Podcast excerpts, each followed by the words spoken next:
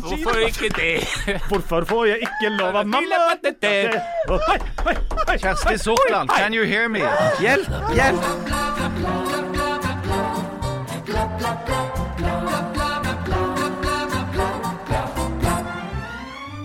I dag skal vi snakke om invasjonen i Ukraina, litt om 8. mars, og litt om vellykka ekteskap. Ikke du, Harald, det skal vi andre snakke om. Du skal snakke om landbruk, det blir sikkert gørr. Og ikke minst, hvis noe går som en hest, høres ut som en hest og ser ut som en hest, kan det da rett og slett være en hest?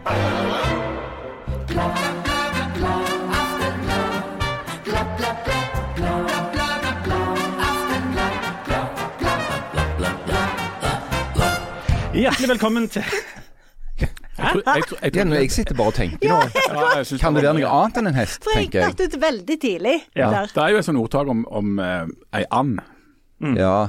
så, men du har begynt med hest. Jeg Ja, så er det jo den der med elefanten òg. Det tenker jeg på Nei, nå. den er i rommet. Å ja. Oh, ja. ja, men den elefant- elefanten som alle ser, tar på, men fra hver sin kant og, Ja, okay. Også, så- Ja, ja, ja, den, ja. Ja, ja. og så er alle kan- blinde og døve. Kan, Er det, det på- er, det, er det en annen elefant, eller er det den samme elefanten? Nei, det er en annen elefant for den er ute. Ja, okay. Den er i rommet. Nei, den tror jeg ikke er i rommet. Kanskje til påske at vi skal ha en egen om eh, ord og uttrykk eh, som er basert på dyr. Men her sitter vi altså. Eh, mitt navn er Leif Tor Linde. Jeg sitter her i Sagmuggen sammen med tre gamle travere. Jan Sahl. du kan jo en enormt god vits om hest, kan du ikke? Mm. Skal ikke du ta den? Problemet er at jeg akkurat har tatt et bed av Ja. noe kaffe og noe kake. så hvis jeg framfører den vitsen nå, så kan det bli litt krisete. Jeg skal bare svelge litt. Ja. Som, uh, nei. Har du hørt? Har du spilt en podkast før, du, Jan? Har du hørt hva han sa den hesten som kom ut av kjøleskapet? nei. Vi har òg med oss eh, Harald Birkevold. Kan du noen Hallo. hest hestevitser som egner seg for en kristen familiepodkast? Nei, men jeg kan mange andre. Det blir en helt annen sending. Og så har vi altså med oss selveste kvinnedagen in person. eh, Jan Stigen Drangsholt. Du hadde en slags vegg-til-vegg-dekning av kvinnedagen i, i Det går. stemmer. Det er sånn jeg liker å ha det. Ja. Var, der, uh, var det hesterelatert, uh, noen av de innleggene du hadde noen plass? Ble hest nevnt? Nei, det ble ikke nevnt noe sted. Hva nevnte du, da? Nevnte eh, Dette var jo i seks timers dag ikke dette her og Yesterday's News? Det er jo 9. mars. i dag. Ulik lønn for likt arbeid På 9. og mars. Sisyfos bla, og bla. patriarkatet og Hestejente, da. hestejenter. Nei. Men noen må kjempe for Men deg nå. de òg er jo med. Men du hadde en travel dag, sant? Mm, det var veldig travelt. Hvor var du Først, først så var jeg på Sølvberget og intervjua Alf Kjetil Valgermo om boka hans 'Kvinner i Bibelen'. Så var, hadde jeg samme opplegget Skal på de I òg ha masse rettigheter nå? hvert fall de som blir nevnt. Han valger om hun ligner Med litt på Jesus. Ja, han gjør det. Og det gir meg en Jeg liker veldig godt å være sammen med ham. Det for det, er For det gir meg en veldig ro. Ja. Så vi snakket om kristne ting. Mm. Fordi han satt på meg fra Sølvberget til Sandnes, og så var vi i Sandnes kirke. Hvor jeg fikk eh, innspill fra den tidligere rektoren på Trone skole om at hun syns det er veldig bra at eh, 17. mai-tallet der blir så godt promotert. Kan vi ikke gå videre snart til et eller annet? Jan holder på, så- Jan holder på å implodere av kombinasjonen 8. mars, som var i går, kristne ting, og 17. mai. Og så Og det var en kjempesuksess, det Nei, det arrangementet kan der, eh, kan jeg legge til. Og så var jeg nede på eh, 8. mars-arrangementet på Hotell Residens i Sandnes, hvor jeg var konferansier. Akkurat. Nå eh, sa jeg det med litt sånn fransk uttale. Ja. Jeg er dypt fascinert av dette. At Det var- går an å få såpass mye ut av én dag. Pluss at jeg ble veldig svimmel, for da hadde jeg ikke spist siden lunsj. Uh, så at det, på et eller annet tidspunkt så fikk jeg et lite blackout og husker ikke så mye mer For jeg hadde kommet meg hjem igjen og lå og så på Bake Off. På Men altså, dette, det, Er det enda mer Bake Off? ja, ja, Bake Off! Det redder livet mitt akkurat nå. men dette er jo helt utrolig å høre. I 2022, når vi har kommet så langt altså Nå har kvinnen da kommet seg ut av kjøkkenet såpass at det blir ikke servert mat på 8. mars. Er ikke det litt om Ja, altså, jeg må jo ha det- mat hvis Mannen min hadde jo lagt middag, selvfølgelig, for det gjør han jo. Men eh, jeg hadde jo ikke hatt tid å spise den, for jeg var Nei, ikke nei, hjemme på noe du var jo bare høyt og lavt og snakket om patriarkatet. Mm, helt riktig. Både da og nå. Var det, I et kristent og sekulært perspektiv. Oi, oi, oi. oi. Jan, hva tenker du? Move on. Fordi poenget til Alf Kjetil Valgramo er jo at kvinner helt fra begynnelsen av blir etablert som den andre, akkurat som Simone de Beauvoir sa i 1949. Nå dikter du opp 1949. navnet igjen. Er dette sånn der sted-ikke-sted-greier? Det er akkurat er det det er. Å ja. Person, ikke person. Fistbump. Ja. dette, dette bringer mine tanker tilbake igjen til, det, til dette med hest, som Ja, er dagens ja, det tema. var der han Å ja, begynte. ja. Hus- Husker dere den, eh, denne Facebook-sida 'Hester fins ikke', Ja. for 10 år, som ble lagd for ti år siden Nå er det fugler som ikke finnes. Ja. Men 'Hester fins ikke' var helt fantastisk. Det, og det, altså En av de mest populære Facebook-gruppene som Sverige noen gang har fostra. Og der, eh, dette gikk så langt at eh, hvis jeg husker rett, så måtte den svenske landbruksministeren til slutt rykke ut Og demontere. og dementere og si det høyt at jo, hester fins. Ja, men de, de mente jo, og det tror jeg de er helt rett i, at hester fins ikke. Og hvis de fins, så er det en frukt. Nemlig. Og da fins det ikke. En steinfrukt, da? Eller en Nei, altså Nei, de fins ikke. ikke. Og etter, etter den svenske landbruksministeren hadde gått ut og bekreftet at hester fins, så var jo deres nydelige svar hm, hvis de lyver om det, hva, lyver de, hva annet lyver de om da? Dette er jo skremmende likt logikken som foregår i veldig mange kommentarfelt hver eneste dag. Ja, og da er det ikke så løye. Nei, det er faktisk ikke så løye. Du, vi, vi skal over til noe annet som på ingen Ja vel, måter er morsomt. allerede? Allerede, ja. Men vi var ferdig. Jan vil ikke høre mer om 8. mars og kvinner i Bibelen. Men på 9. mars, god damn it, det var jo masse snakk om 8. mars på 8. mars. Hver dag er 8. mars. Nå må vi se Det er framover. mitt, eh, Altså, hver dag er jo kvinnedag, så er det jo den ene mandagen, den er det ingen som markerer. Å, herlighet. Og så Å, stakkar mennene, vi har det så kjipt. Ja, det, Noen må gi Jan Lahn litt mer kake, Altså. han får voldsomt lavt blodsukker. Nei, vi skal nok få opp eh, blodsukkeret til, til Jan med, med vårt ukentlige spørsmål til Jan Zahl. Har du blitt noe klokere på hva denne Vladimir Putin egentlig vil i Ukraina? Nei, og jeg hører jo reportasje på reportasje, og jeg, jeg merker jo at jeg er på en måte der på linje med mange av de som er på bakken rundt omkring i Ukraina. De forstår det jo heller ikke. Og noe av det helt fascinerende, som jeg jo eh, dessverre måtte tenke på. Dette er jo folk som levde helt vanlige liv for 14 dager siden. De hadde sånn liv som oss, og så plutselig en dag så er det slutt på det. eh, på ganske dramatisk vis. Og det er fremdeles ikke lett å få tak på hva det er som eh, at han trodde skulle skje. Og Nå, nå er det store spekulasjonene to uker inn i dette her da, om, om, eh, om Vladimir Putin har feilberegna et eller annet, militært eller økonomisk eller politisk, eller hvordan dette her skulle gå. Og Det gjør det jo enda mer uklart hva det egentlig var han trodde han skulle oppnå, og, og hvordan dette skal gå. Harald, det, nå har dette pågått i to uker. Um, hvor, eh, hvor er vi hen nå? Altså, Hvor står denne invasjonen? Den, ja, hvor står vi hen? Altså, vi står jo i den situasjonen at nå har allerede to millioner mennesker av de 44 eh, som befant seg i Ukraina for to uker siden, er jo ikke i Ukraina lenger. De har flytta, eh, flykta. Um, og denne så, tingen som russerne idiotisk nok kaller en militærteknisk operasjon, som jo er en invasjonskrig, eh, kverner jo og går. Eh, den, det tyder jo på at den taktikken som russerne trodde de kunne bruke til å begynne med, altså gå raskt inn og få til et slags regimeskifte og bytte ut eh, Volodymyr Zelenskyj med en eller annen nikkedokke som er styrt fra Moskva, den slo jo litt feil. Motstanden har vært ekstremt mye hardere enn de hadde forutsett, og mye tyder på at de russiske tapene er enorme. Både i materiell og i personell. Så det det alle tenker på nå, er jo hva slags endringer i taktikken kan komme. F.eks. vil det bli mye mer artilleriangrep, mye mer bombefly. I så fall så vil jo de sivile omkostningene òg bli mye høyere. Så det er jo fryktelig mye å være bekymra for. Men Vi ser jo også stadig meldinger om, um, om våpenhviler som går sånn av og på og diskuteres og blir brutt. Øh, og sånne ting. Og da, I mitt hode er dette kommet inn i liksom et i en ny, ny fase. Ja, for jeg mener det er òg verdt å legge merke til at det er noen slags bevegelse i det diplomatiske. For det er ikke sånn at folk har sittet bom stilt i 14 dager og sitter bare på at uh, russerne ruller inn uten at det er kontakter der. Så nå, nå skal det jo i, i denne uka vel arrangeres til og med et slags møte mellom den ukrainske og den russiske utenriksministeren. Og tingen er at, at på et visst tidspunkt så vil det òg være i russerne sin interesse å ikke fortsette med dette. her, For dette koster de altså folk og enorme pengesummer. Og de kommer til, og økonomien, altså de økonomiske konsekvensene er helt fantasistore.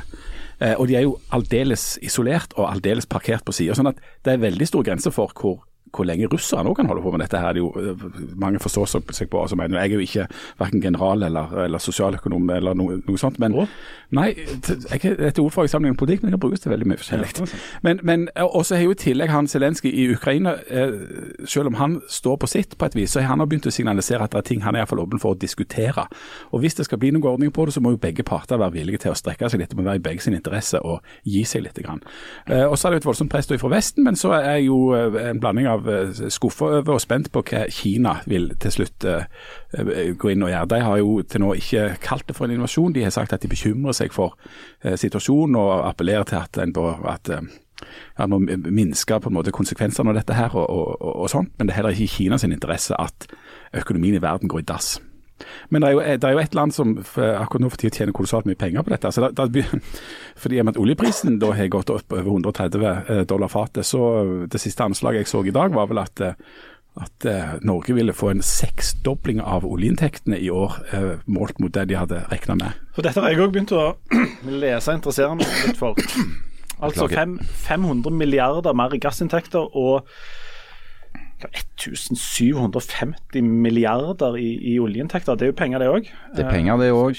Ja. Det, det, er jo sånn at når, når, det går, når, det går, dårlig for noen, så går det jo godt for andre. F.eks. oss i Norge. Ja, altså det som skjer nå, det er jo at du får en voldsom og raske eh, voldsomme omlegging av energipolitikken, histen og pisten. Uh, Europa har bestemt seg nå, EU, for å gjøre seg uavhengig av russisk gass. Uh, I går så kunngjorde president Biden i USA at uh, USA vil slutte å importere olje og gass fra Russland. dette vil jo føre til mange ting. Det vil føre til en voldsom prisstigning fordi det blir en knapphet i og med at russisk olje og gass utgjør en så stor, stor del av den totale tilbudet. Så vil prisen stige helt naturlig. Men så handler det jo òg om at Eh, Europa særlig, eh, og til en viss grad òg eh, USA, og, og, til en viss grad Kina, ønsker å gjøre seg mindre avhengig av fossilt brensel. Så, så, her vil det jo skje veldig mye på korte tid. Eh, og denne, Jeg tror nok denne her krisen i Ukraina har vært med å akselerere sånne prosesser noe ganske voldsomt.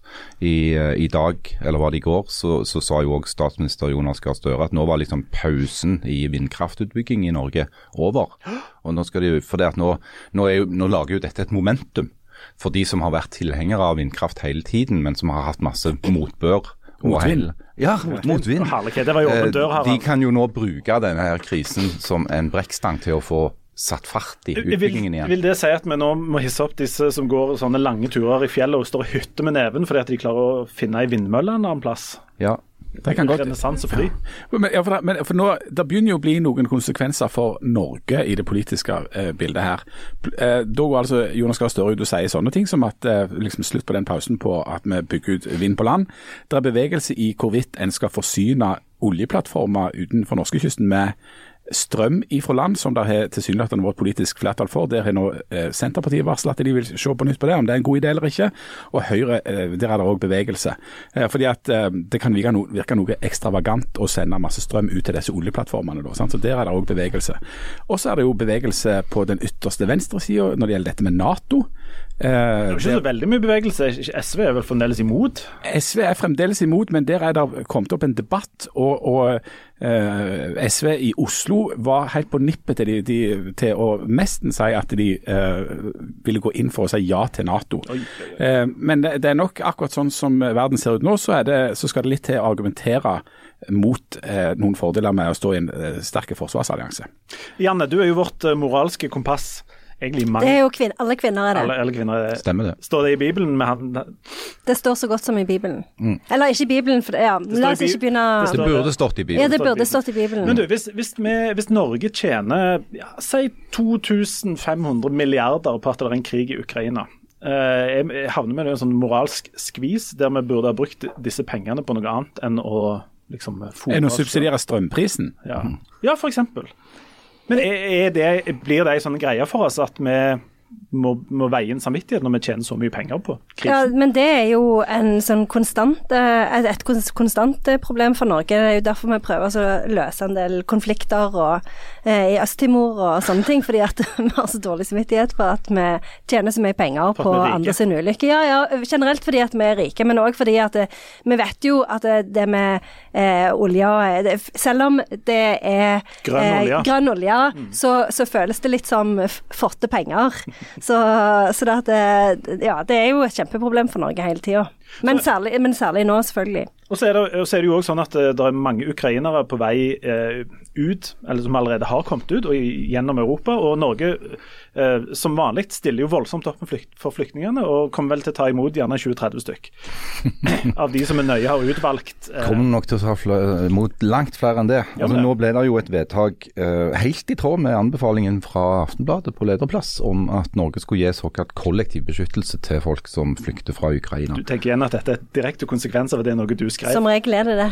Det var ikke jeg som skrev det, det var Stavanger Aftenblad. Eh, men saken er i alle fall at uh, det er nå eh, lovhjemmel for å ta imot store grupper. Eh, det som er den eneste situasjonen vi kan sammenligne dette med, var det som skjedde når folk begynte å flykte fra krigen i Bosnia i 1992. Eh, Til sammen så tok Norge da imot rundt 6000 bosniere som ble bosatt her og, og hadde kollektiv beskyttelse. Eh, det sier seg selv at når det på, i løpet av bare, og, og den krigen i Bosnia varte jo i mange år. Når det bare i løpet av snaue to uker har flykta allerede to millioner mennesker fra Ukraina, så sier det seg selv at denne flyktningkrisen ligner ikke noe vi har sett i Europa siden andre verdenskrig.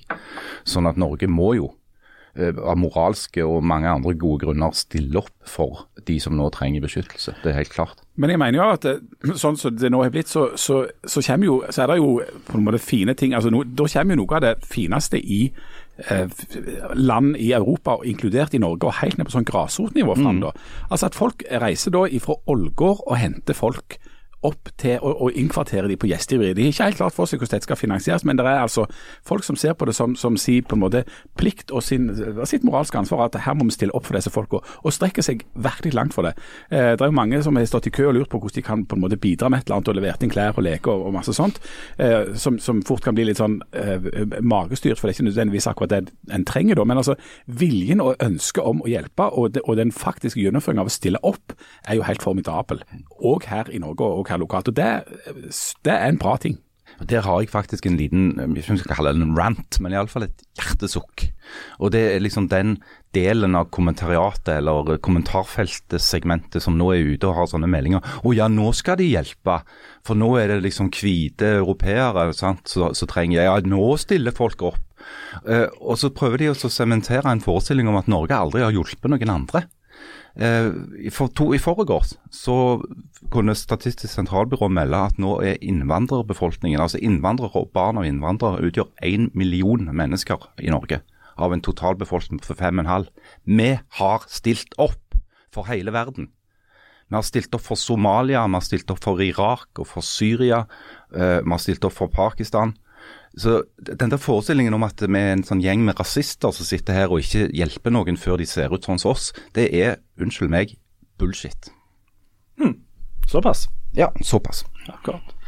Ja, da, da dukker vitterlig opp noen, noen fine ting i folk òg når det går dårlig. Altså, sånn som Jan sier, alle de som faktisk hjelper. altså Innsamlingsaksjoner til folk som er rammet og sånt. eh, Noe, noen fine historier er det oppi all elendigheten. Ja, så er det jo sånn som så Sånn du Jeg så et intervju med SOS Barnebyer eh, eh, den andre dagen eh, som handla om alle barnehjemsungene i Ukraina, som jo teller over 100 000, og hvordan eh, SOS Barnebyer faktisk har et apparat som kan hjelpe disse ungene, for det er jo mange av de som er alene på barnehjemmene, fordi de som skulle passe på de har flykta. Og det er jo liksom Men jeg syns det er det som er Det er jo så utrolig mye altså Det er liksom både det at du blir overvelda over hvor mye godt det er i verden, og så blir du overvelda samtidig av hvor enormt mye ondskap det er i verden.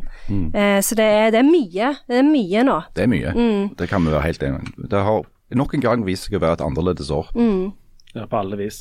Eh, har dere handla dere opp på uh, J-tabletter? Eh, ja, eh, faktisk. Jeg tør ja. ikke, fordi at jeg vet at jeg hadde kjøpt feil, og så hadde de kommet til å le av meg. Du har kjøpt I- K istedenfor jod? Nei, det er jo det der at du kjøper jod som eh, det, vitamintilskudd istedenfor de der faktiske tablettene som du skal ha. Det, det hadde jeg Du går bare bare, gjør bare sånn som meg. Du går på apoteket og så skal, sier du du skal ha sånne tabletter som du skal ha hvis det blir atomkrig. Ja, men så får eh, du det, direkte. Jeg er bare litt, jeg er litt spent på hvor, hvor tid du mener folk hadde, eller hvem som hadde begynt å lære på hvilket tidspunkt. Var det da når atomskyer kom, kom eh, liksom over landet, og du dro fram disse eh, tablettene for, å- for, å redde ungene dine, at de da hadde begynt å le. Ja, det, for det er jo den, den, den samme situasjonen. Typisk Ja, mor! Ja, det er typisk mor! Kommer atomet, og så sitter vi med Despril. ja, men det, Ja, ja, ja. det er denne samme tingen med at du er mer redd for å tale i begravelsen enn å dø. Ja, ja, ja. Godt er det. Men, men har du, du, har ikke, du har ikke kjøpt deg opp? Nei, for det, jeg har jo, nå har jeg jo sett at de, de får det jo på skolene. Har de det? Så ja, ja. Det er jo ikke Så- for så vidt ikke jeg som har gjort det, det er da min, min eh, vidunderlige eh, trolovede som har gjort disse Det tingene, tatt som sånne grep. For det er jo kvinnene som må ta ansvar, i, i, ikke sant Janne? Det òg. stemmer. Ja. Der òg. Hjemme hjemme hos oss også finnes det visstnok jodtabletter, men det ble kjøpt inn forrige gang. Eh, Det har jo vært sånn sakte oppbygging av sånn her at det det må sånn beredskapslager av både ditt og datt og så og så mange liter med vann og alt det der. Og da tror jeg at hun i løgndom kjøpte de jodtablettene, så da når det gikk tomt nå, så kunne hun fortelle at nei, men det hadde vi jo fra før av. Og så, men har dere begynt å samle vann i kjelleren? Ja, det Ja. har jeg. Dere har det? Ja. Har Har alle, vent litt. Jeg, Jeg har jo ikke, men, eh, Jeg men trodde vi, vi var, var enige om det i gruppa. Nei. For eh, altså, det skal, det skal Jeg har vært inne og sjekka. Det skal ni liter vann. Ikke ti ja, og ikke åtte, men det skal ni liter vann per person. Og det, det, dette sitter dere på i et lag. Det har vi. Vi har en del vin òg, så Jeg har en god del, enda mer vin per person. Men kan du gjøre vin om til vann? ja, det gjenstår. Jeg har òg en god del sprit per person. Det òg kan komme godt med. Eller det kommer allerede kommer godt godt med. med. Hvis du skal ha så sånn. mye sprit, så skal du òg døyve dette med to pakker knekkebrød per person. Sitter dere på det? Knekkebrød har vi. Eh, en pakke havregryn. Ja, jeg, Jøsses, jeg er to. Tre bokser middagshermetikk, eller tørrmat. Har dere det? Absolutt. Nei, for vi pleier ikke enige om hva slags sammenheng. Jeg har Vesterålens fiskeboller. Det er de beste, beste fiskebollene. Jeg er ikke så glad i Det var vanskelig å velge, Ja. så vi har venta Jeg litt tror ikke jeg ikke ikke så glad i et eh, valid argument hvis det er sånt det eneste du har å spise. Det tror jeg du får det i deg. Altså. Ja, ja. Ikke har de Nei, vi har ikke jodtabletter fordi at mor klarte trodde det var vitamintilskudd, og så har vi ikke noe hermetikk fordi at det ikke Vi har sånne vitaminbjørner istedenfor. De- Ja. Men, men du, Og det ble jo også litt sånn lørdagsgodt. ja, det er på en måte det. men, men dere har, har et Altså har jo tatt et valgår? Jeg har jo med jevne eller ujevne mellomrom, husker ikke, kanskje ujevne, fått sånne meldinger fra på en måte det offentlige Norge. I form av en tekstmelding eller noe der det står Har du, har du husket å eh, kjøpe vann? Eller har du Så jeg tenkte ja ja, pokker heller, jeg kan jo i hvert fall gjøre det, om ikke annet. Har du liggende litt kontanter, for det skal du òg ha? Jeg har gull, da. Og du har gull? Sånne, sånne sørafrikanske rand. Stearinlys, lommelykt, batterier og eller parafinlampe. Har du det? Ja, jeg har òg våpen. Det kan være veldig godt å ha. Jeg tror Jeg har kjøpt ei lommelykt. Men Leif Tore, det høres ikke ut som du har noen ting. ingenting. Har du ikke kjøpt det? Du er en av de som ryker først. Jeg hadde, ja, ja, jeg hadde vært jeg, Ja, på alle vis. Jeg hadde vært, jeg hadde vært død tidlig. eh, fordi at vi har ingen sånn uh, På grunn av jodmangel. Ja, ja, Ja. ingenting. Null. Jeg, jeg, har ingen, jeg har ingen skills, og så har jeg òg veldig liten sånn stayerevne. Jeg òg. Jeg hadde nok eh, bare gitt opp, Ja. tror jeg, tidlig. Eh, men fra, fra spøk til alvor, når du ser noen av disse ukrainerne som var som er helt vanlige folk Jeg, jeg leste et intervju med en som var eh, sånn administrativ leder for et fotballag for altså, ei uke og uka etterpå så var han ute, hadde vakt fra tre til seks for å sette opp veisperringer og lage sånn Molotov-cocktails.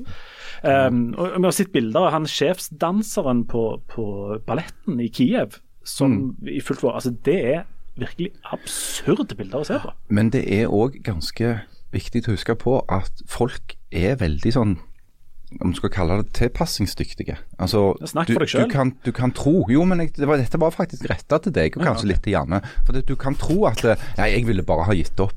Eller jeg hadde ikke fått til noen. Det vet du ikke før du må. Før du er nødt, tror jeg.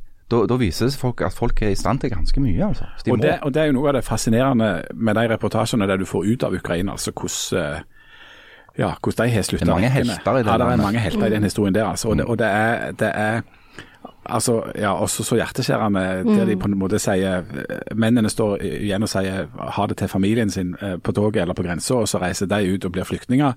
Og de er det synd om, men det er jammen meg eh, synd om de karene som nå skal tilbake og slåss for livet. Ja, ja. det er jo helt absurd å tenke på. Sånn Jeg hørte intervju med ei i går, og de, det var en familie som hadde prøvd å krysse grensa, men da hadde jo selvfølgelig mannen blitt nekta eh, å komme over grensa. Så det er, jo, det, er jo, det er jo ikke alle som går inn i denne krig Altså, de, noen ble jo tvungne Altså, alle er jo tvungne, da, men det er bare så hjerteskjærende å se på disse her avskjedene som hele tida.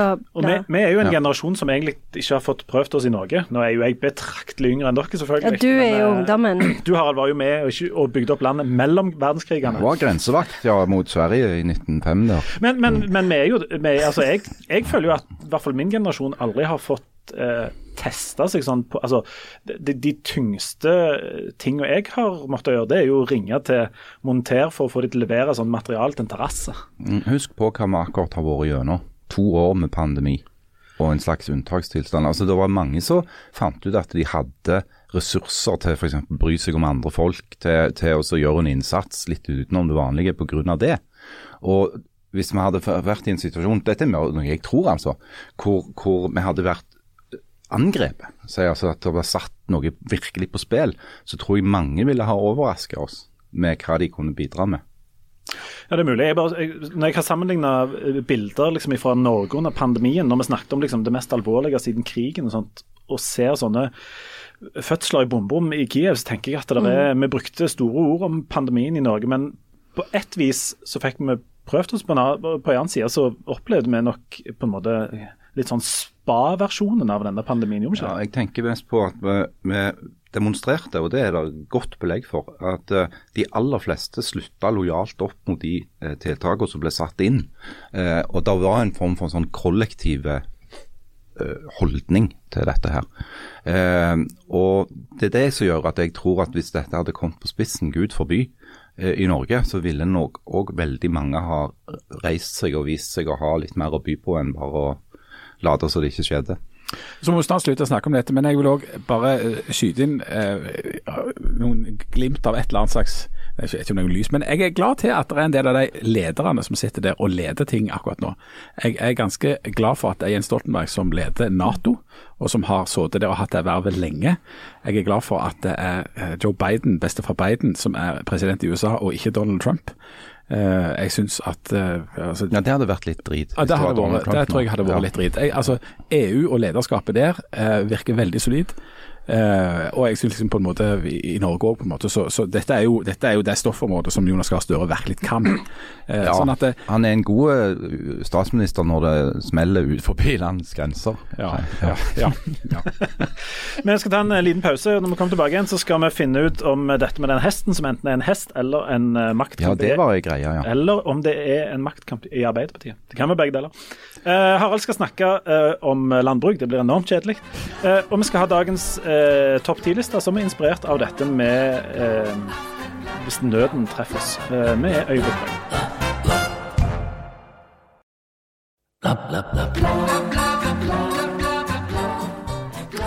Hjertelig velkommen tilbake til Aftenbladet. Vi har eh, fått tilsendt Skal vi ta litt selvskryt, Har dere lyst på det? Ja, Vi har fått eh, tilsendt en del sånne eh, topp ti-lister. Det er jeg. Eh, og Den ene her den tar vi med fordi at det er litt selvskryt i den, ganske mye. Og spesielt til meg.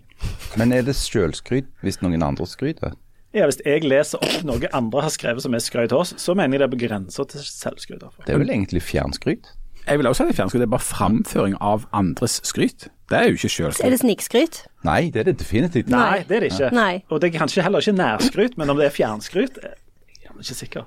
Uh, Uansett, skryt er bra. Vi har fått innsendt eh, denne lista her, som heter eh, 'Ti ting jeg hater med deg'. Filmreferanse der. Mhm. Altså, uh, og her er punkt nummer én. Skal vi si hvem det er fra først? Ja. Det er fra Eina Ims. Hei, Hei, Eina. Hei, hei, hei. Heina. Kunne ikke gå godt. Eh, nummer én. Uh, hun skriver hun, at jeg alltid gleder meg til å hente posten, fordi jeg håper jeg får tilsendt T-skjorte. Som er lovte for Å, et år siden. herlighet, der må vi skjerpe oss. Vi er enormt dårlige Ja, det. Vi er veldig det gode til å love. T-skjorter, Ja. dårlige til å sende de ut. Og, med, og bare, det er jo ikke vår feil, det er jo vår eh, eh, produsent Andreas sin feil. Har vi en produsent? Nei, Har vi en produsent? Nei men vi må få det, og han er nødt til å hete Ja, Andreas. jeg er Ok, enig. eh, eh, to, eh, Dette er jo ting som faktisk liker med oss. da. Um, at fremmedspråkspalten til Janne kommer med forklaring fra sidelinjen. Jeg visste ikke at du hadde en fremmedspråkspalte engang, men jeg syns jo det er flott. at Ja, Jeg tror jeg er jobber veldig sted, hardt med den. sted ikke sted og det greiene der. Og narrativ og sånn. Narrativ. Nummer tre, at dere prøver å være en fa et familieprogram, men aldri får det til. Det mener jeg vi har. Det har vi litt å jobbe med. Hun sa så, bror. Slutt. Ja. Hva er det du sier? Jeg blir så sliten. Ja, ja. Eller herlighet. Nummer fire, eh, positive ting. eh, At eh, hun lærer fun facts av Harald hun ikke visste hun lurte på. Det er Ingen bonus. årsak, ingen årsak. Og så kommer nummer fem, eh, der hun skriver at jeg fikk bruk for råd fra Leif Tore på min første date. Hæ? Hæ? Hæ? Nemlig. Og her, det var, her, her stoppet jeg òg opp. Så kommer forklaringen. At hun hadde akkurat hørt en episode der eh, jeg altså gir råd hvis noen spør deg om musikksmak. Og jeg svarte det, det handler om bare om å være veldig, veldig ullen. Og her har da Einar vært på date med en mann.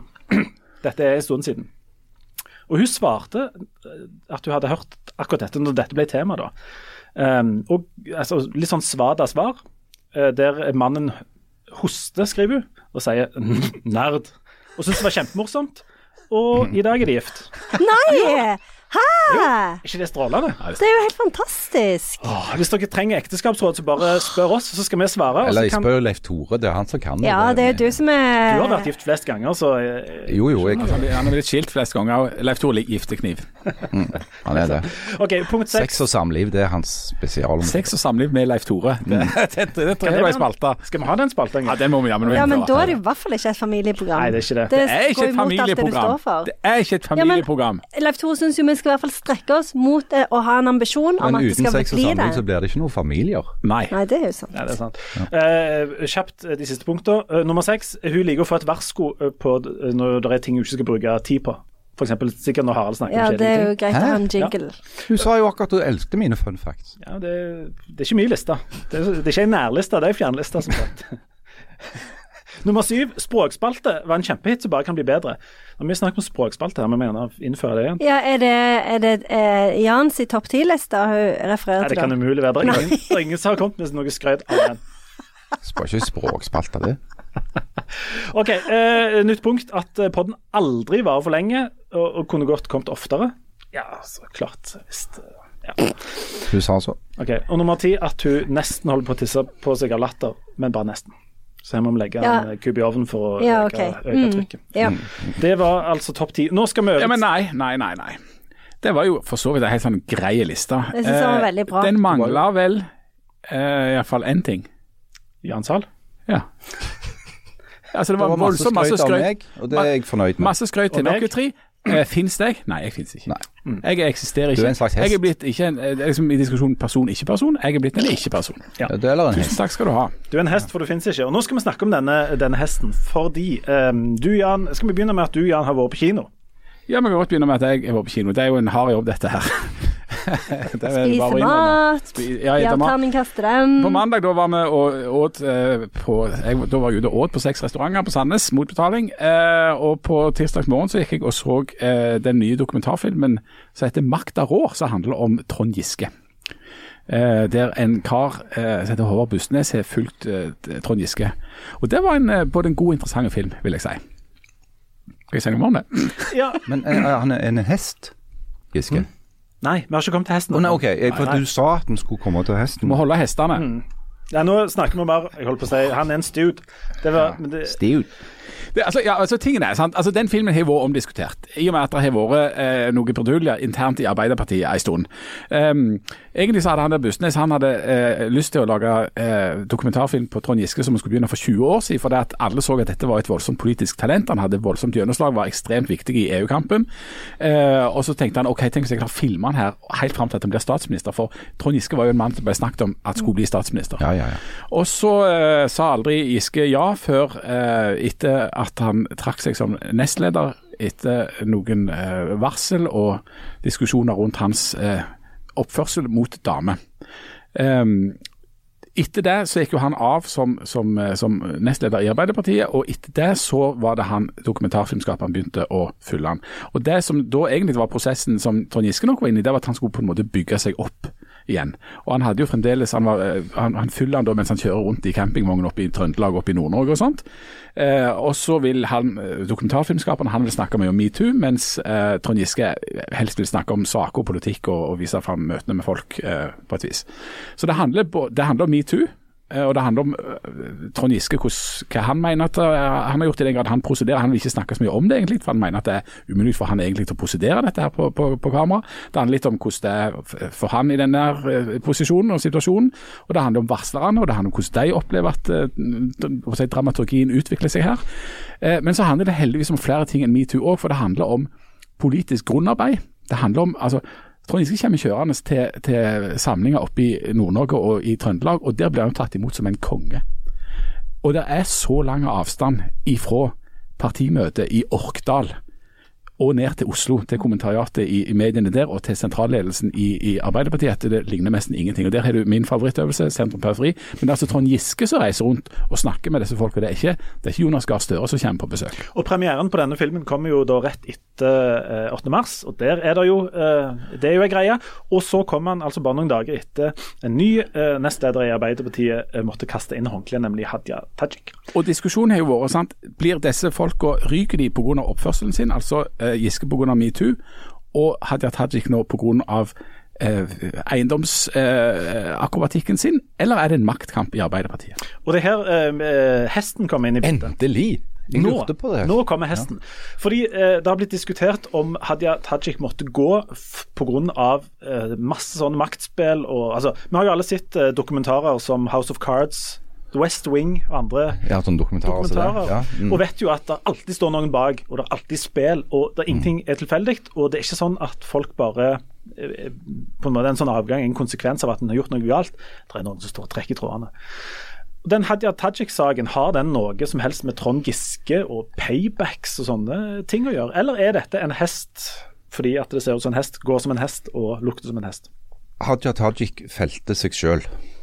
I den forstand at hvis ikke hun hadde tilbaketratert og fikla rundt med noen dokumenter for å spare skatt i 2006, så hadde hun fortsatt både vært statsråd og nestleder i Arbeiderpartiet. Så hvis du legger an det perspektivet, så kan du si at nei, dette var ikke en maktkamp i den forstand at uh, hun måtte gå pga. en maktkamp. Men dynamikken i saken mot henne, altså det som gjorde at det ble umulig for henne å fortsette som nestleder, som jo hun trodde for seks dager siden, at hun kunne trekke seg som statsråd fortsette som nestleder, det viste seg å være bygd på en feilslutning. For det at den interne motstanden i partiet var mye sterkere enn hun kanskje hadde trodd. Og i det elementet ligger nok, nok et, et element av det du kan kalle maktkamp i en viss, viss forstand. F.eks. at uh, Hadia Tajik hadde ikke den støtten hun behøvde hos eh, de mektige LO-forbundene. Jo, og LO sitter jo med tre eh, sentralstyreplasser i Arbeiderpartiet og er en stor maktfaktor. Sånn at øh, altså, Historisk sett så har Trond Giske og den fløyen i Arbeiderpartiet som han representerer, hatt en sterkere stilling hos LO-forbundene enn eh, Hadia Tajik og hennes fløy har hatt. Og, det, og Dette er noe av det interessante som du da Men, får si- men, men, men ja, ja. Var det hest, eller var det ikke hest nå? For nå, I begynnelsen så virka det som om det var en hest fordi det så ut som en hest, og så ble det litt mer komplisert etterpå. Og jeg Ja, klarer for det, at det er jo ofte mer komplisert. Altså, men jeg gjentar. Hadia Tajik måtte gå av pga. ting hun har gjort. Dumme ting som hun har gjort. Det er grunnen til at hun ikke er statsråd i dag, og nestleder i dag. Og ikke noen menn. Ingen menn med det. Men, dynamik. Men men dynamikken saken fikk, den kan du ikke forstå uten å forstå at Arbeiderpartiet er et parti med mange fløyer og relativt sterke personlige motsetninger. Og her er du da tilbake til filmen. For den, det interessante med denne filmen som da har blitt lagd før du vet helt hvordan det skal gå med Giske, og iallfall før du vet hvordan det skal gå med Tajik, er jo at der kommer de jo inn på den maktkampen som ligger der mellom For de to på en måte eh, ytterfløyene der er jo nettopp Giske og Tajik. Og når den film, denne filmen her er lagd, så ser det jo på en måte ut som det da, hvis dette stemmer, for det er jo ingen som helt sånn kan si det helt nøyaktig. Ja, er det, ja, er det hest, eller er det ikke hest, eller fins hester, eller er det en frukt, eller hva er det for noe? Så når denne filmen slutter, så slutter det jo med at Trond Giske går ut av politikken, mens Hadia Tajik sitter igjen og tilsynelatende har vunnet. Og igjen, etter at de har- er ferdige på, i klippen der, så har jo da Hadia Tajik blitt minister. Men nå når filmen har premiere, så har hun altså falt på akkurat samme måte som Trond Giske. Så de to som kom inn i ledelsen i lag, er begge to, to nå ute. På grunn av det de gjorde. På grunn av det de gjorde. Altså det er det en hest. Ja, men Nei, nei, nei! Jo, men skjønner du ikke? Altså, det kan være at hvis ikke Trond Giske hadde skaffet seg så mange uvenner i partiet, så ville han ha kommet i gåseøyne bedre ut av sine mange metoo-affærer. Eh, men når du da gjør noe dumt, sant? hest, du er en hest, du gjør noe enormt dumt, eh, så vil jo du Altså, du får ikke hjelp. Altså, Du får ikke den hjelpen du kunne fått fordi at du har skaffet deg så mange fiender. Så Derfor så er det både òg. Og så er det mediedramaturgi. sant? For at eh, Giske og Hadia Tajik har jo da òg på en måte blitt havnet opp i en sånn mediedramaturgi. og Det er det som da etterpå har blitt eh, noe av Giske sitt poeng. at han ble jo da i tillegg utsatt for noe fra VG, som VG har måttet innrømme var journalistiske grove feilvurderinger. sant? Så, så, bar vulkansaken. ja, på, på Bar Vulkan-saken. sant? Altså, denne der, eh, ja, Giske så sånn danser ganske tett på ei dame, som etterpå sier at eh, hun følte seg ikke eh, misbrukt eller ubehagelig. Det noe hennes. Det var hennes idé, dette. sant? Så, da, da det, så, så i Giske sitt hode er jo han òg et slags offer for noen ganske sterke krefter For det var egentlig ikke han som danset i det hele tatt. Jo, men han stilte opp på en, på en selfie, sant? det var en annen hest. Ja. Så, så, så, så, men, mens, mens, mens Tajik har prøvd å spille eh, mediene på en måte, å bruke mediene, altså først ikke svare, så gå ut og gå knallhardt angrep på Aftenposten, få masse folk til å drive og dele det innlegget, og så viser det seg at ja, men det var jo noe røyk der, eh, eller noe Det ild, førte eller jo til mye irritasjon i partiet. for det at uh, I begynnelsen så stilte jo folk opp på Hadia Tajik sin kampanje. Og, og var med og delte dette innlegget hennes og forklarte at her er vår nestleder, eh, dyktige Haja fra Bjørheimsbygd, utsatt for et forferdelig journalistisk bakholdsangrep. Bade, bade, bade. Og mange av de som var med på den dugnaden, om du vil, i partiet, de følte seg etterpå litt lurt når det viste seg at VG holdt på med en annen sak som var mye mer alvorlig. Og Janne, dette er jo minst én sesong av en sånn en politisk eh, serie, sånn Ja, ja. Borgen. Ikke sant? Ja. Mm, absolutt. Men eh, ja. Men igjen så er det jo litt sånn at virkeligheten overgår eh, kunsten. Fordi det er jo helt utrolig hva slags krumspring denne, denne historien har tatt. Og det er jo sånn så, det er jo kjempeinteressant sånn som du gjør, Jan, med å dra liksom Altså hvis du begynner med Trond Giske, da, og så ser begge disse to skjebnene i det perspektivet, så er det jo utrolig at det og, og, går og, an. og, men, og hvis du skal ha som utgangspunkt at tittelen på denne filmen da til slutt er, er på en måte oppsummert at makta rår, så er jeg nå veldig usikker på hvilken makt som egentlig rår akkurat nå. Hvem, hvem var det som vant? Ja. Ja, hvem vant? Partiet tapte, det er iallfall helt sikkert. Arbeiderpartiet er jo vingeskutt av alle disse her affærene som har vært. Uh, og bare tenk på det eksempel at ok, nå er Jonas Gahr Støre statsminister. Det var et valg i fjor. Ja.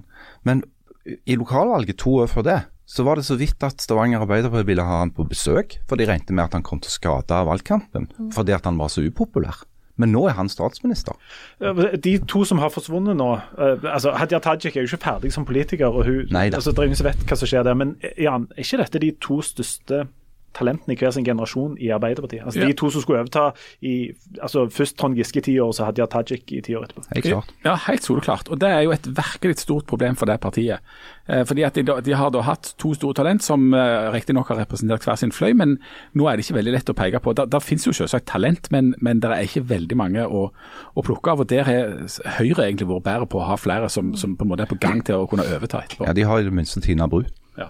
Eh, men, men lenge var jo det et problem i Høyre òg, som ble snakket om i Høyre litt sånn på bakrommet. Det var liksom Erna er så suveren, og hun stiller alle andre i skyggen, og det er ingen som kommer opp rundt henne.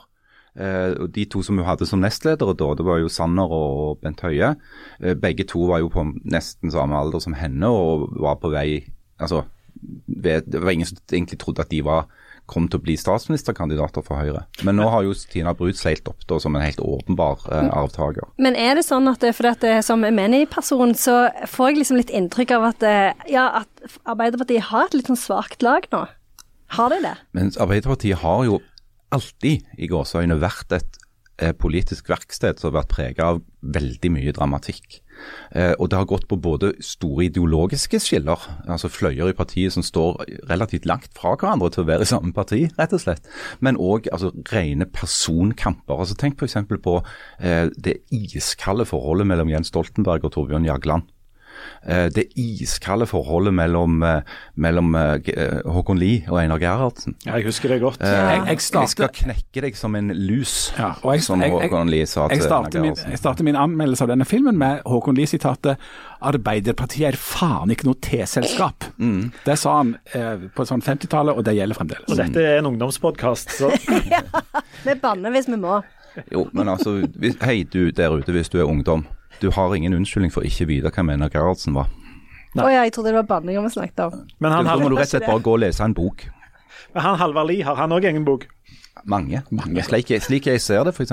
Oi, ser du det? det. Han ble 103 år. Du, eh, bare en siste ting om, om Hadia Tajik. Hun skal sitte nå på Stortinget og være en slags menig politiker for Arbeiderpartiet. Er det mm, oppe og avgjort at hun eh, aldri bli, kommer til topps i Arbeiderpartiet, aldri kan bli statsminister i Norge? Nei, det er fortsatt i hennes egne hender. Altså, Hun er jo selvfølgelig innvalgt på Stortinget og har jo ikke gjort noen ting som er i nærheten av å diskvalifisere henne der. Eh, og hun vil ha full anledning til å bygge seg opp igjen politisk, tror jeg. Der er et forslag. Kanskje du kan kjøre rundt i Norge med ei rød campingvogn og møte folk på Hun kunne grunnplanet. fått lånt den der jordbærcampingvogna som Aftenbladet Men det, det er en sånn playbook som du kan få låne av en annen som har vært nestleder der før. Ja. Ta en telefon til Trøndelag og få noen tips. Bygg politikk og kontakter og tilslutning nedenfra. Og Det tror du vil funke? Ja, det funker vel så godt som å gjøre det på pølsefest. Men der er jo Trøndelag i en særstilling, tenker jeg. For det er ingen andre som har ei sånn Facebook-side med 'Vi som støtter Petter Northug uansett'. Hæ? Det er jo ei Facebook-side. Hver gang det skjer noe med noen fra Trøndelag? Nei, men jeg, jeg har observert at den fins. Vi som støtter Petter Northug uansett. Uansett. Uansett hva han gjør. Ja. Ja. Det syns jeg er ganske godt. Selv om han starter hardt krig i Ukraina. Uansett. Vi er med han. Um, vi, er jo, vi har jo ei interne gruppe her eh, hos oss som bare vi fire med i, som heter Vi som støtter Harald Birkvold uansett. Nei, jeg, vet ikke om jeg er med. Det er iallfall ikke Jan med. Nei, Jan er ikke med. Og dessuten så har jeg faktisk erfart hva som skjer hvis jeg tilfeldigvis ikke er her når dere spiller inn podkast. Og det er ikke mye støtte. Det er ei gruppe som litt, litt av og på. Jeg tror ikke den gruppa fins. Nei, eh, kanskje han ikke fins, men vi støtter deg uansett. Blant annet har vi jo valgt å stå i deg når du skal snakke om veldig kjedelige ting. Eh, og før du får snakke om veldig kjedelige ting Du da, tenker på de veldig interessante fun factsene og faktaopplysningene som jeg kommer med til glede for utallige lyttere. Er Ja. det de du tenker på? fra den såkalte I-names som eksisterer, eller kanskje ikke eksisterer. Aina. Ims, jeg elsker deg. Du, Før du får uh, gå løs på de tre kjedelige minuttene, uh, så har vi denne jingle-sangen som vi Ja. har holdt på med lenge. Og nå tror jeg vi må erklære mysteriet for løst, oh. eh, og mange har jo bidratt til dette. Um, og jeg tror dette er så langt som vi kommer, for um, eh, nå skal jeg lese en e-post vi har fått fra Jon uh, Frodason Låstad, som skriver Hei, Aftenbladet. Jeg kan nesten ikke tro at ingen har oppklart mysteriet for dere ennå. Sangen heter kanskje Spanish Flea, og det gjør han. Men det er bilde av en lilla gullfisk som dukker opp i mitt hode når dere klukker jinglen hver uke. Jeg synes for øvrig at framføringen deres har blitt vel ren og samstemt. Ja, jeg er savner den rabiate høneklukkingen fra første runde. Det skal vi fikse på i dag. Ja. Men denne jinglen har vi fra den gylne tiden på TV Norges ettermiddagssending Happy Hour. Nei, kan det stemme? At det er TV Norge? Jinglen introduserte serieperler som Under samme tak, Steg for steg, Fresh Prince i Bel-Air, Et gutteliv og Steve Urkel. Hæ? Husker dere dette? Ja. Fresh Prince of Bel-Air kan jeg huske. Det var Will Smith sitt gjennombrudd ja. som skuespiller. Dette var fra tre til seks. Jeg, Jeg så, jeg så aldri TV Norge fra tre til seks for 20 år siden. Ja, det gjorde jeg. Jeg òg. Ja. Jeg òg har gjort det. Det var bare Um, en tungt pillenarkomane. Eh, Han sier at lista over sånne, sånne er serier Lista over sånne serier er, er lenger, og foreslår at det kan enten bli en topp ti-liste, eller at de gjerne kan ta det opp i 17. mai-tallene sine. Mm. Han har også sendt bevis, og, og håper at dette demper kløene i hjernebarken. Han kan sjekke. Det er den fisken. Er det? Og med mindre noen sitter djupt inne i NRK og kan si at det òg fins i NRK, så tror jeg vi sier at det er der vi har den. Så det var ikke NRK eh, allikevel. Det var TV Det Norge. er TV Norge. Dette er sjokkerende nyheter. Jeg syns det var helt imponerende at eh, han bare vet dette i seg sjøl. Det, det syns jeg er imponerende, og så syns jeg det er veldig interessant at så mange har tenkt fjernsynskjøkkenet. For at mange forbinder den sangen med fjernsynskjøkkenet, men så finnes den altså ikke der. Jeg føler kanskje ikke at det er helt løst likevel. Jeg er litt usikker. Vi lar eh, et vindu stå på gløtt hvis Ja. noen klarer å finne den. Hvis noen vet noe annet. Hvis Andreas Diesen plutselig skulle komme på banen og sjekke Facebooken sin. Du, jeg syns òg det er en herlig ironi i at vi har brukt kjenningsmelodien til Happy Hour til Harald snakker tre dritkjedelige ting i tre minutter. Uh, Det er jo ikke dritkjedelig. Fader òg, altså. du, skal vi se, jeg skal bare sjekke, sjekke en Jo, det er det. Det står her. For jeg, eh, jeg kunne nok trengt tre minutter, egentlig, for det har skjedd mange nye spennende ting i forbindelse med denne Huddersfield-konferansen. Nei. Ja, nei, men det vil vi ikke høre Det om. vil vi ikke høre om. Så da må vi ta tre minutter med Harald. Og, og, og, og som takk til, hjelp, eh, til hjelpen, Jon, så skal du nå få denne jinglen der det skal eh, skli ut i skikkelige sånn prior og kakofoni på slutten. Og i dag skal vi snakke tre minutter om, Harald. Eh, Du sa at jeg måtte snakke tre minutter om landbruk. Å, herlighet. Men er det tre minutter, eller er det noe vi Ja, OK, vi kan bare Så begynne. da, da, jeg, minutter. jeg visste jo ikke det før jeg kom inn her, men du sa det var landbruk, så skal jeg jo snakke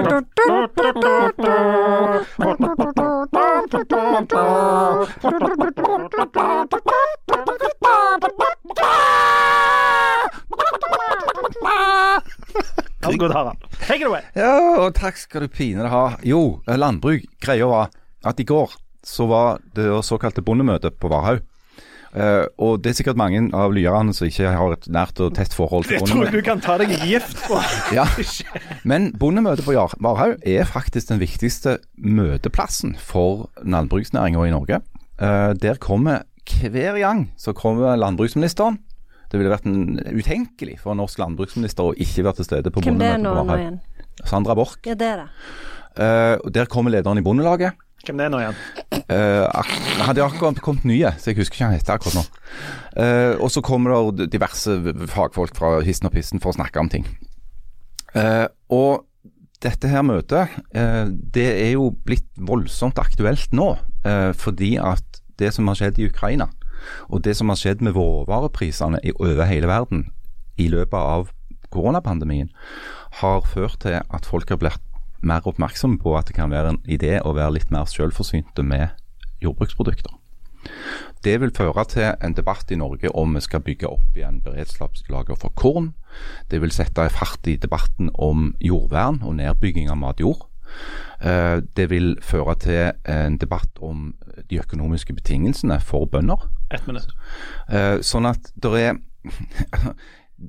Det er jo en slags klisjé, men du skal aldri la en god krise gå fra deg. ikke sant? Det er noen som har sagt. Og for deler av landbruket, i alle fall i Norge, så er nok helt klart det som har skjedd i verdensøkonomien, og det som skjer på det sikkerhetspolitiske området utenfor Norge, har veldig klare, konkrete konsekvenser innenlands.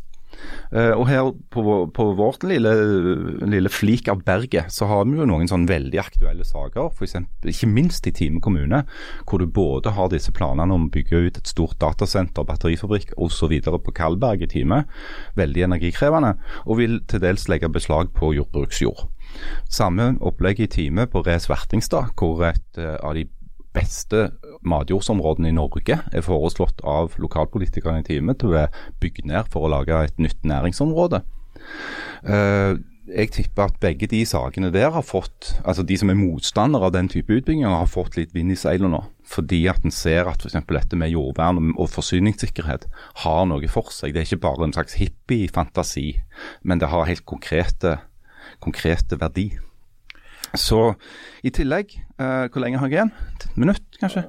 Jeg dupte av. Så, ja, så er det jo en sånn en stor diskusjon i Norge om at, eh, at det er blitt stadig færre bønder. Sant? Det, er færre folk, det er færre folk som jobber med å lage mat i Norge.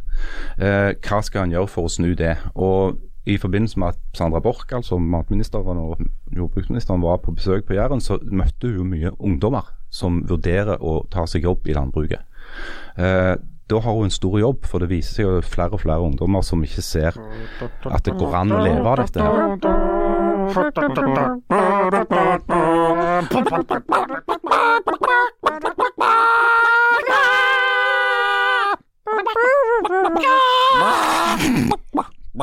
Men jeg så jo det at Det var litt av en avløser var jo det dårligste betalte yrket som en kunne ha. Ja, Det var liksom ingenting som var i det må, må lønne seg litt mer å være bonde. Eh, og det vil for må en ha en diskusjon om hvor, hvorfor er det sånn at de som eier dagligvarekjedene blir så forferdelig rike, mens de som leverer maten som de selger, ikke blir det. Men du, altså innspill, konkret innspill. Kunne vi tatt uh, en 100 400 000 av uh, professorlønninger i britisk lyrikk Ja, for det er jeg som er ei kvise på samfunnets rumpe. Det er jo Du matriarkatet. Du er jo kjempenyttig. Du holder jo taler både histen og pisten. Det stemmer. Hvem skulle ellers ha gjort det? Nei, jeg vet ikke. Ikke kom her og vet si, ikke jeg. ikke kom her og si at du ikke kan ete taler, eller iallfall ete, ordene dine i deg. Jeg, veldig jeg er veldig skeptisk til bønder, eller jeg ble det i går fordi at eh, en som jeg kjenner som er bonde, han klarte ikke å montere en sånn et eh, Altså kona har driver med noen unger og noe, så han, klarte, han skulle prøve å sette opp sånn eh, brystpumpe. Og så klarte ikke han På- som på bonde- seg selv? Nei. På Han skulle, bare, han skulle bare montere dette. Nei, til kona, fordi at hun skulle pumpe. Så klarte ikke han som er bonde, å montere denne. Jeg har ikke melkekvote. Jo, det var det jeg trodde. Jeg jeg ble veldig skuffet over norske bønder. Jeg trodde sånn var automatisert, så de bare går bort til der som pumpene er, så bare stapper de oppi uret, og så går det seg sjøl. At du har kona Er gående det på sånn kuer løsdrift. eller koner må du spesifisere. Jeg ble så forvirra hvis det ser ut som ei ku, og det rauter ikke. ku. Kan vi gå videre? Og det skiter seg, du du på Forresten, Nå har jeg en veldig bra fun fact. Har dere lyst til å høre den? Skal du ha jingle? er. Nei, jeg trenger ikke jingle, vær så snill. Jingle-free. Ikke det. Jingle-free. For det, at det handler om sånn melkeroboter og sånn fjøs hvor kyrne melker seg sjøl.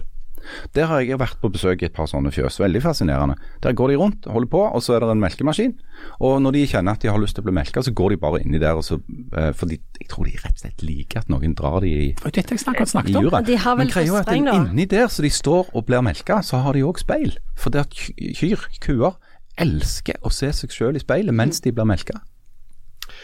Siden dette er en familiepodkast, så skal vi ikke spørre hva ikke det du- bra? Ikke om jeg prøver Nei, det vi skal går vi over til, til dagens topp ti-liste. Den er inspirert av Eh, dette med å klare Blir så sliten. Nei, ferdig nå. Blir så sliten. Er du så sliten? Mm. At du tenker på den melkemaskinen?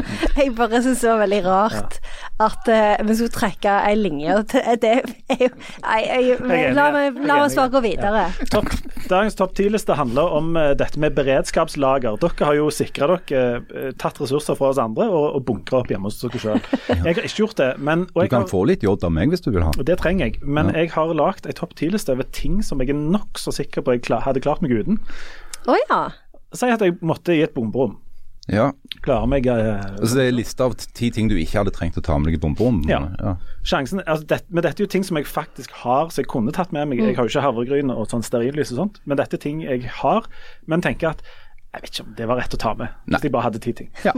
Nummer én eggekoker. Altså et eget apparat for å koke egg. Ja, Hvis du ikke har strøm, så trenger du jo ikke Eller egg, så trenger du ikke eggekoker. Det sier nesten seg sjøl. Så er dere enige i det? Ja.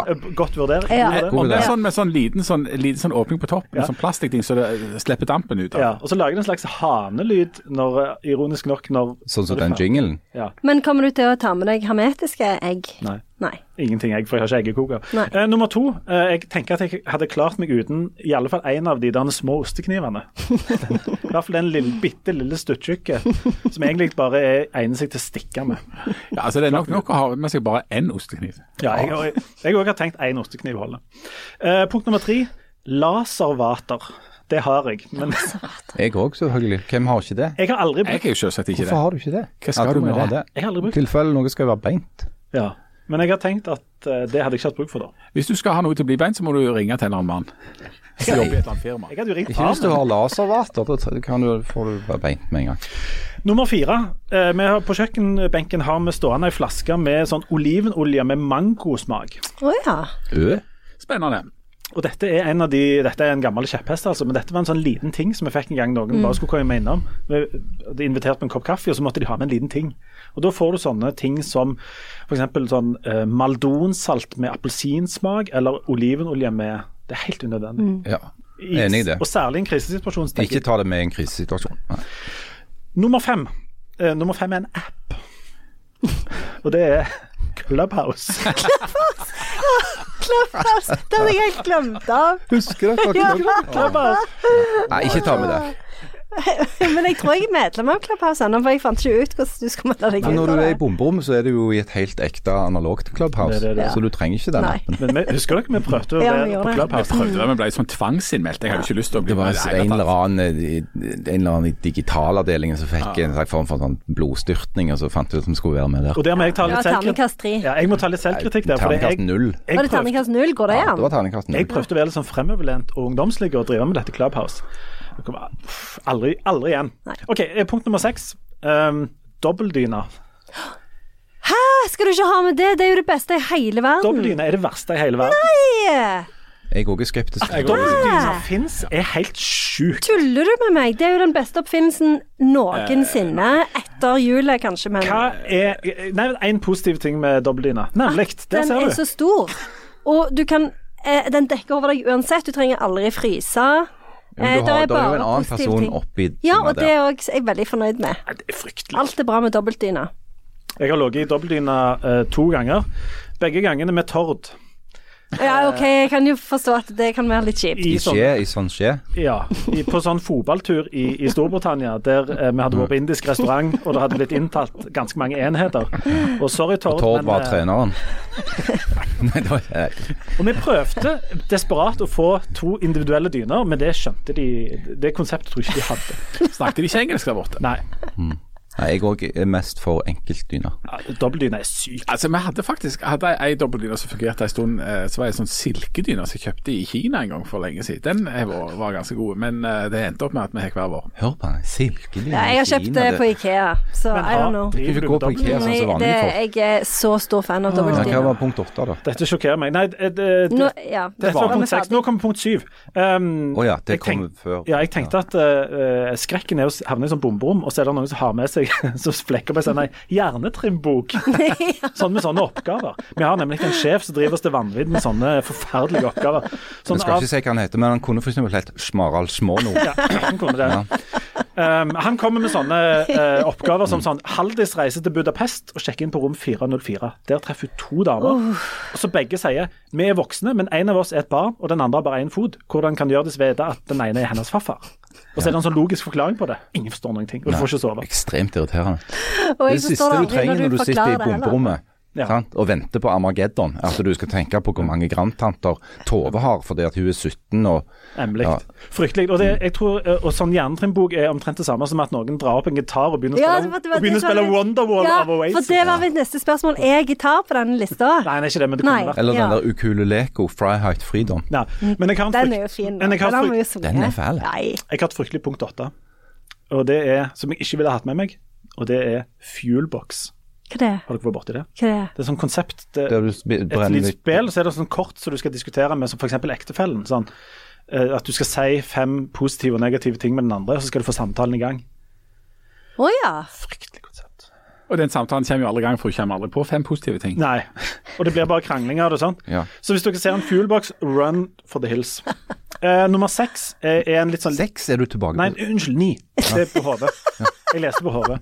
Han leser du den opp ned? Ja. Nei, jeg gjør ikke det. Punkt nummer seks, eh, som jeg ikke ville hatt med meg Ja, eller ni, da. Spørsmålet er hvis det ser ut som en hest. uansett. Punkt nummer ni Eh, litt abstrakt, men eh, jeg ville aldri, hvis jeg skulle ned i et bomberom, tatt med meg sangen 'Sett deg opp i kørja' eller 'Ballongen Nei, Hvis du først får den på hjernen, så får du den aldri. Får ikke lov av mamma å gå på kinematograf, hvorfor ikke det? Får ikke sitte i fred. Nå har jeg den Gutten på med de kiler meg, og da må jeg le. Huff de dumme gutten, ne, ne, Ikke, syng den. Sett deg opp i kørja og la ballongen gå, Hei, ballongen gå, woo, ballongen gå. Ikke syng. Hei, Sett deg opp i kørja og la ballongen gå, Ikke syng. ballongen gå til vers, vers, vers. Sett deg opp i kørja og la ballongen Ok. Nei, sånn fryktelig. Så da har du den gående. Nå har jeg den okay. allerede. Ja. Punkt nummer, husker dere punkt nummer ni? Det er den setter jeg opp i køya eller la. Ikke, ikke gjør, ikke gjør. Punkt nummer ti. Den tingen jeg kan savne aller minst i et bomberom, det er medarbeidersamtalen. Å, fytti grisen. Den skulle jeg klart meg uten, tenker jeg. Er det noen som gjerne tenker at de ville hatt med seg medarbeidersamtalen? Nei. Altså det, det er vel et, en, et bevis på at eh, en sitter aldri så gale at det ikke er godt for Norge. Altså Hvis det blir krig, så slipper vi sannsynligvis den medarbeidersamtalen. Det er jo noe. Det Det er noe, det mener jeg absolutt. Jeg må se litt lyst på det. Det er ikke ikke er nok, Norge. det er det ikke. er ikke nok, men det er Norge. noe. Ja. Det er noe. Det var hele lista. Hvis dere har ei en liste dere vil dele med oss, eller komme i kontakt med oss på andre vis Hvis dere har noe dere vil Harald skal snakke veldig kjedelig om i tre minutter, send oss gjerne en e-post på bladblad.aftenblad.no. Eller superinteressante fun facts fra virkeligheten. Men var dere altså så kritiske til den lista jeg hadde sist? Var, det, var den så dårlig, den? Ah, Jeg bare fikk så enormt eh, angst av den. Jeg Det var òg liksom- jeg fikk en voldsom indre uro. Ja, for det, var noe, det var noe slags sånn, sånn nifst Ja, det var noe nifst med med han. Mm. For det var, han var litt Ja, det var saus og det. karbonade. Ja, han var, sånn, han var random på en litt sånn scary Ja, måte. han var det faktisk. Ja, for å si det på Mm. norsk, da. Litt sånn når du ser sånn uh, eh, hurtigfilm av uh, ei appelsin som mygler. Ja, sånn var det. Sånn var det. Sånn var min liste, som ei hurtigfilm av en appelsin Ja, som mygler. Han begynner så helt fin, og så bare Og så plutselig så er han liksom At du blir fulgt av, av en form for sånn vonde, Ja. eller en form for ja, lede. Og jeg, jeg, jeg hørte og lede. Ja. og, og jeg hørte den lista igjen Ja. på podkast. Ble like redd. Mm. Husk at jeg skulle ha den effekten på folk. Det er veldig, veldig Ballongen går, Nei, ikke gjør det. og Sett deg opp i køya og la ballongen gå. Ballongen går til vers, vers, vers. Nå, jeg husker ikke andre verset. Hvordan Det, er det du sang eh, Det får ikke lov av mamma. Ja, nå får jeg lov av mamma gå på kinomotograf. Hvorfor får du det? Nå får jeg sitte i fred, for jeg har lært karate, og nå slår jeg dem ned hvis de ikke lar meg være i fred, fred, fred. Sett deg Opp i køya og la ballongen gå. Ballongen gå. Ballong, syng med, og Sett deg opp i køya og la ballongen gå. Ballongen gå til vers, vers, vers. Kanskje du andre stemmen? Du kan holde opp, Ja. vær så snill. Kan dere rett og slett bare holde opp? OK, vi slutter for i dag, og eh, anbefaler ingen å gå rundt og synge på Ikke syng den. ballongen gå. Hei, Ballongen gå. Woo! Ballongen gå. Sett deg opp i køya og la ballongen gå. Ballongen gå til bæsj, bæsj, bæsj. Sett deg opp. Jeg vil ha mer lønn. Ballongen gå. Hei, Ballongen gå. Ballongen gå. Det er ikke nok lønn til dette. Ballongen og la ballongen gå. La, la, la, la, la, la, la, Hvorfor ikke det? Hvorfor får jeg ikke lov av mamma? Kjersti Sortland, can you hear me? Hjelp, hjelp!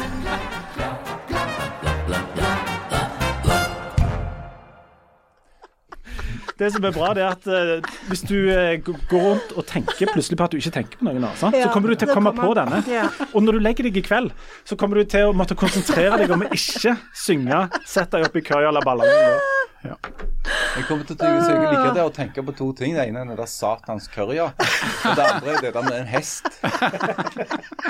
Og, Sett deg oppå hesten Åle. Du Vi kan kombinere det.